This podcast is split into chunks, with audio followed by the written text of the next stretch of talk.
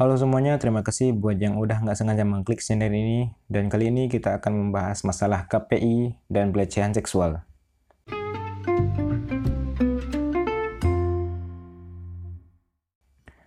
Nah, akhir-akhir ini banyak permasalahan terkait KPI dan pelecehan seksual yang terjadi. Utamanya ada dua, dua berita nih yang terkait dengan KPI. Yang pertama yaitu pelecehan seksual yang terjadi di kantor KPI. Dan yang kedua adalah uh, diperbolehkannya Saiful Jamil untuk tampil di TV bah, uh, dikarenakan sempat diboykot karena kasusnya itu kasus pelecehan sempat diboykot oleh masyarakat. Tapi KPI mengizinkan Saiful Jamil untuk tampil kembali. Nah, pertama mari kita bahas dulu tentang yang dari pelecehan seksual yang terjadi di kantor KPI. Di sini ada dari asumsi bersuara, yakni yang berjudul Korban MS diminta mengakui tak ada pelecehan seksual di KPI Pusat. Pegawai KPI Pusat berinisial MS korban perundungan dan pelecehan seksual didesak untuk berdamai dengan para terduga pelaku. Ketua hukum Ketua kuasa hukum MS Men Mehbob mengatakan intimidasi itu difasilitasi oleh pejabat KPI pusat. Oh, kronologi. MS dihubungi oleh pejabat KPI diminta hadir sendiri tanpa didampingi kuasa hukum ke kantor KPI pusat Jakarta pada Rabu uh, pada Rabu kemarin tanggal 8 bulan 9 2021. MS kemudian dipertemukan dengan para terlapor dan disodorkan sebuah surat perdamaian di dalam sebuah ruangan di kantor KPI pusat. Isi surat. Mehbub menyatakan surat yang disodorkan ke MS berisi perintah untuk menyampaikan kepada publik bahwa pelecehan seksual sebagaimana yang dituding kepada pelapor tidak ada. Selain itu, poin dalam surat itu memerintahkan MS untuk mencabut laporan polisi. Aduh, aduh emang dah rusak nih struktur dalam KPI ini. Perlu diganti, rekonstruksi lagi nih. Masa bisa lolos? Ah, awas aja perlu dikawal nih, perlu dikawal nih uh, kasusnya. Suratnya yang jelas meminta MS untuk menyampaikan bahwa kejadian atau pelecehan seksual itu tidak ada, kata Mehbob pada asumsi bersuara. Jumat 10 September 2021. Nah, keterlibatan pejabat. Mehbob menyebutkan tidak ada komisioner dalam pertemuan antara MS dan terlapor. Hanya ada salah satu pejabat KPI dalam pertemuan itu. Meski demikian, ia meyakini ada peran salah satu komisioner KPI pusat dalam pertemuan itu. Pasalnya, pertemuan itu seperti sudah direncanakan dengan matang. Misalnya sudah ada surat. Pertemuan ya juga terkesan aneh karena dilakukan di kantor pusat KPI. Iyalah. Kayaknya masyarakat percaya juga nih kalau ada orang dalam nih yang ikut andil dalam penghentian pelaporan ini. Makanya makanya kemarin udah aku bilang pasti ada backingannya nih orang yang tukang bully, orang yang tukang pelecehan ini pasti ada backingan besarnya di belakang.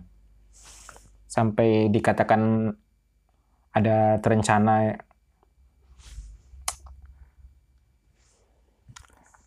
respon. Mehbob mengklaim MS menolak permintaan itu. Dia pun mengaku kecewa dengan intimidasi itu. MS memastikan tidak akan mencabut laporan dan semua pihak diminta untuk menghormati proses hukum yang berjalan. Kondisi Kondisi MS dilaporkan sehat secara fisik namun emosionalnya masih belum pulih. Ya emang emang ngapain udah kalau udah bertindak sejauh ini sampai sampai di disang, disangka di apa tuh? Diindikasi bahwa ada pihak komisioner juga yang terlibat harus dilaporkan ini mah harus diusut secara mendalam perlu diusut juga komisionernya perlu diperiksa juga para pejabatnya keterkaitan para petinggi dengan orang pembuli ini. Perlu diperiksa mah. Pasti mereka ada hubungan erat mah dengan pembuli ini dengan antara pembuli ini dengan para pejabat yang ada di KPI Nah, yang lucu yang lucunya nih, sebelum surat permintaan perdamaian dari KP ini muncul, ada juga eh, berita sebelumnya yang menyebutkan bahwa terduga pelaku pelecehan seksual ingin lapor balik ke korban. Aduh, ini ini tuh ini tukang bully mau ngapor balik gitu. mau counter attack ya padahal padahal jelas salah mau counter attack ya Terduga pelaku pelecehan seksual dan perundungan di lingkungan Komisi Penyiaran Indonesia, Pusat berencana melaporkan korban berinisial MS. Terduga pelaku ingin melakukan itu karena menilai MS telah menyebarkan identitas mereka padahal belum terbukti dan proses hukum masih berjalan. Kalau sang korban sampai sampai menuliskan secara rinci identitas pelakunya ini, ini kayaknya udah benci kali nih si MS ini udah udah benci sampai ke hati kali sampai-sampai ah terserah lah. Bodoh aja mah kalian lah. Ku tulis semua tentang kalian di sini. Ku tulis rincian kalian di sini. Kayaknya udah udah udah mendem kali itu dendam. Pegawai KPI yang menjadi terduga pelaku berinisial RT dan EO mengklaim menjadi korban cyberbullying sejak identitas mereka disebar MS. Keluarga RT dan EO juga diklaim menjadi korban olok-olok ada benar dan salahnya juga sih. Ada benar dan salahnya. Salahnya itu ya kenapa para netizen juga mengolok-olok. Kenapa netizen juga membuli keluarganya gitu. Apa bedanya kita sama mereka dulu? Cuman bedanya kita membuli lewat uh, ketikan kita, tapi itu kan ke keluarganya, ke anak-anaknya, ke istrinya yang nggak ada hubungannya gitu. Kalau mau beli mah beli aja yang RT sama EO ini mah. Ya walaupun belum terbukti sih, tapi orang Indonesia sih emang gitu sih. Bertindak dulu, baru minta maaf kemudian. Pukul dulu, kalau kalau istilah itu pukul dulu baru tanya belakangan. Pengacara RT dan EO yakni Tegar Putuhena menegaskan bahwa menyebarkan identitas pribadi orang lain bisa dikenakan pasal dalam UU ITE, apalagi jika proses hukum masih berjalan atau belum ada pihak yang terbukti bersalah. Kemudian dari situ disebarluaskan terjadi cyberbullying terhadap keluarga, foto keluarga disebarkan, itu juga akan kita pertimbangkan, kata Tegar seperti diberitakan di antara antara televisi ya. Awal kasusnya, sebelumnya MMS melaporkan lima pegawai KPI pusat yang diduga melakukan perundungan dan pelecehan seksual terhadap dirinya. Lima pegawai itu antara lain RM alias O, FP, RE alias RT, EO, dan CL. Mereka sudah diperiksa Polres Metro Jakarta Pusat pada Senin 6 September. Kasus bermula ketika MS menceritakan pengalaman mengalami pelecehan seksual dan dari rekan sekerja di media sosial dia mengaku mengalami itu sejak beberapa tahun sebelumnya. Setelah viral, barulah KPI bertindak, melakukan pemeriksaan dan, dan menonaktifkan 8 pegawai. Kepolisian juga mulai mengusut perkara tersebut usai korban mengajukan laporan. Udah viral barulah bertindak KPI, padahal mas sebelumnya ketika dilaporkan ke ke ke ketuanya, ke pemimpin bosnya, ke bosnya di KPI itu, itu cuman dia cuman dipindahkan kantor aja, nggak nggak nggak ditindak mah pelakunya. Sebelum sebelum viral. Udah viral barulah ditindak. Itu pun hanya bentuk pemberhentian sementara gitu kan. Selagi kasusnya masih berjalan.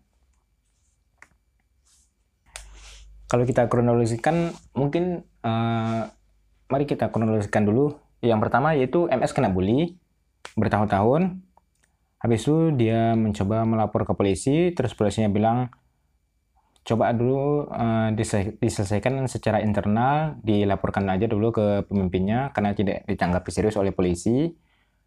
Kemudian setelah dilapor ke pemimpinan KPI, ke, uh, ke pemimpin kantornya itu, pemimpin kantor itu, pemimpin kantornya itu hanya mengambil uh, keputusan untuk memindahkan memindahkan MS ini ke kantor yang lain. Jadi cuman pindah kantor aja dia.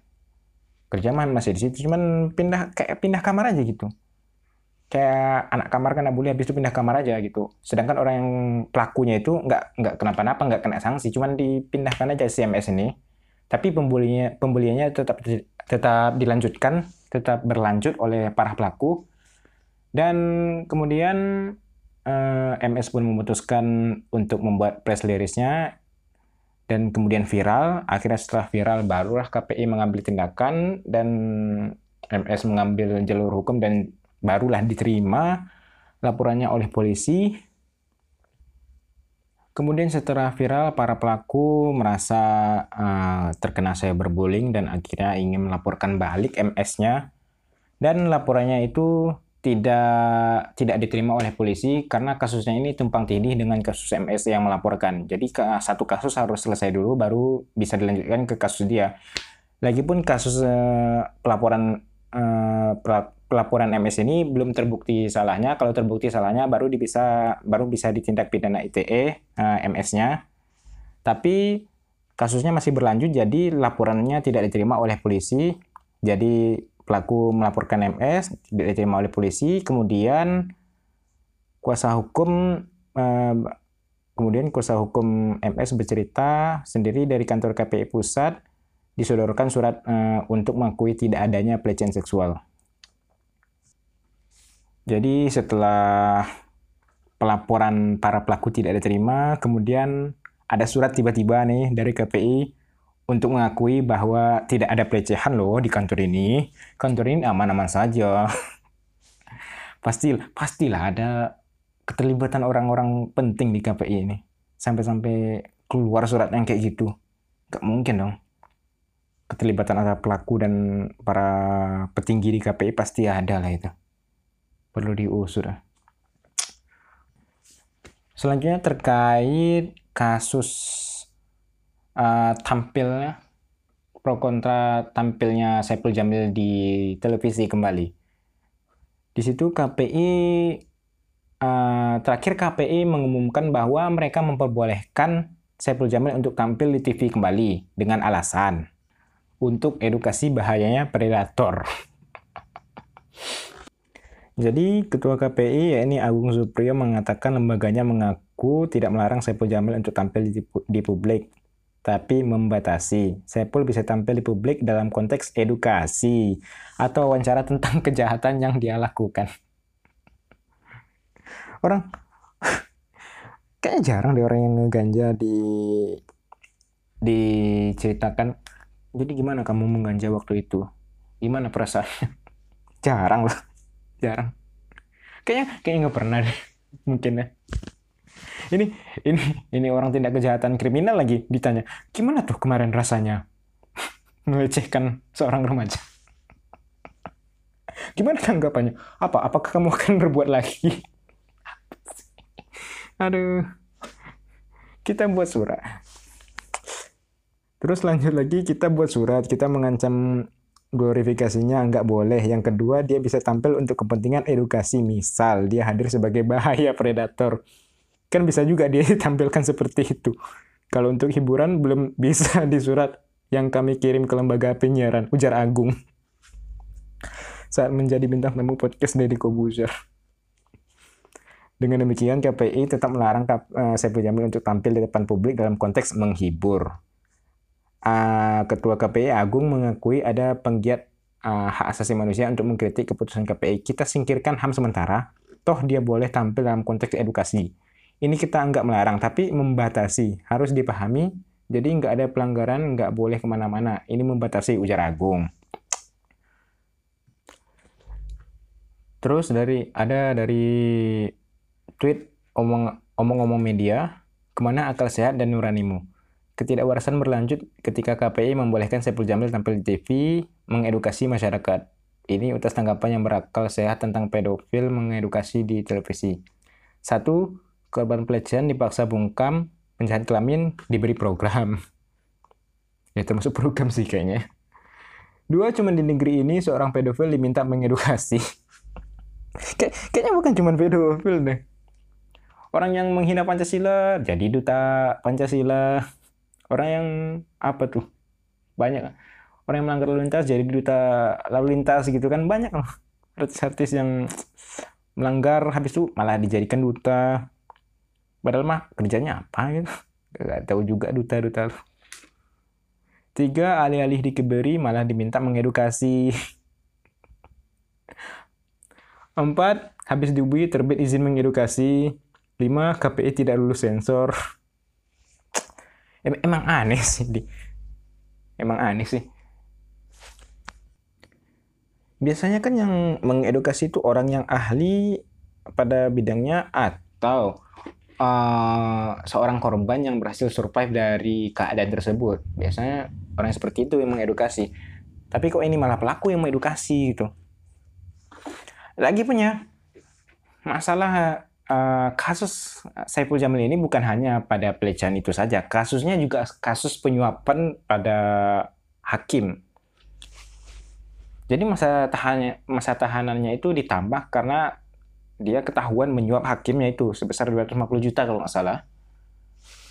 Jadi kasusnya itu bukan kasus sekedar bukan sekedar pelecehan seksual aja, tapi kasus penyuapan juga. Terus dia dikasih edukasi penyuapan juga. Boleh. Cok, yuk dikasih tahu kayak mana tata cara menyuap hakim biar masyarakat tahu kayak mana kebanyakan orang-orang korupsi itu kan. Tapi ya,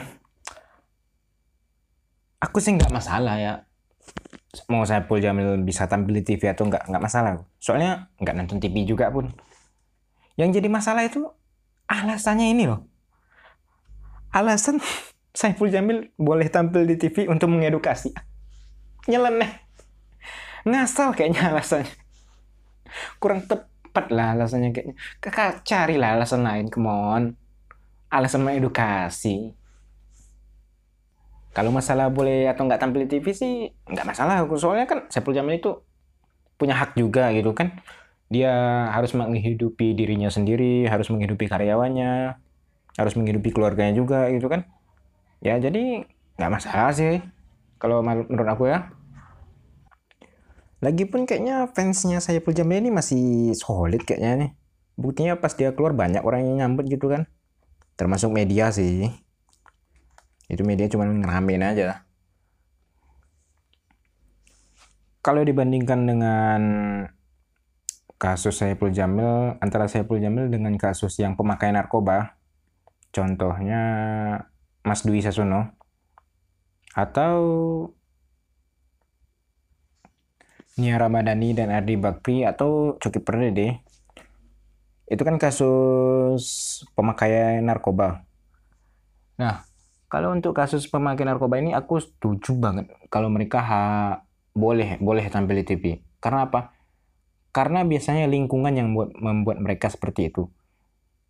Nah, ketika mereka tidak tidak diterima oleh lingkungan mana pun, akhirnya yang menerima lingkungan mereka itu lingkungan lama ya. Ya udah mereka jadinya makai lagi kalau kita tidak bisa menerima mereka, kita tidak bisa menjaga mereka. Akhirnya mereka makai lagi jadinya kalau kita tidak menerimanya. Nah, sedangkan untuk kasus pelecehan seksual ini kayaknya jarang deh ada lingkungannya gitu kan. Kayaknya perbuatan perseorangan gitu kan. Jadi kalau masalah saya Jamil boleh tampil di TV atau enggak, ya itu tergantung pilihan rakyat lah ya. Kalaupun nggak boleh dia tampil di TV, toh masih ada sosial media gitu kan. Toh masih ada YouTube, TikTok, Instagram. Toh fansnya juga masih solid kayaknya masih bisa hidup lah dia kalau nggak ada TV gitu kan. Yuk. Tapi sekali lagi deh aku tekankan. Emang aneh nih KPI masa alasan? Kalau boleh ya boleh enggak ya enggak. Jangan jangan alasannya goblok. Nyeleneh kayak gini alasannya mengedukasi masyarakat. Aduh alasan apa ini? Aduh boleh ya boleh enggak enggak. Enggak usah buat enggak usah buat enggak usah buat alasan nyeleneh kayak gini KPI KPI banyak banget masalah yang lo timbulkan di era ini. Emang bener deh kayaknya kata dokter Tirta. Emang harus berhenti aja nih pimpinan KPI turun aja dia. Karena karena katanya galak karena kata dokter Tirta kalau dia turun nih dia mengakui bahwa dia tidak bisa menghandle lagi KPI setidaknya mungkin kayaknya beberapa orang ada yang respect sama dia karena dia mengakui dia tidak sanggup gitu kan. Dia mengakui bahwa banyak kesalahan yang dibuat. Eh, setidaknya ketika dia berhenti bulian-bulian dari netizen akan berkurang lah kayaknya kan. Tapi kalau dilanjut nggak tahu lah ya apalagi kalau kasus pelecehan dan perundungan di kantor itu terbukti benar. Oh makin menjadi-jadi tuh ketua KPI dibully. Ditambah lagi ada updatean kemarin kan dari Mbak Najwa katanya ketua KPI tadi malam sudah hadir di studio Mata Najwa bahkan sudah siap naik panggung tapi tiba-tiba menolak berdialog ketika pengacara MS korban di KPI sedang berbicara dan langsung keluar meninggalkan studio. Oh, makin menjadi-jadi. Mundur tiba-tiba gitu kan ketika diwawancara. Oke deh, segitu aja dulu untuk kali ini. Terima kasih buat yang udah dengerin. Ciao.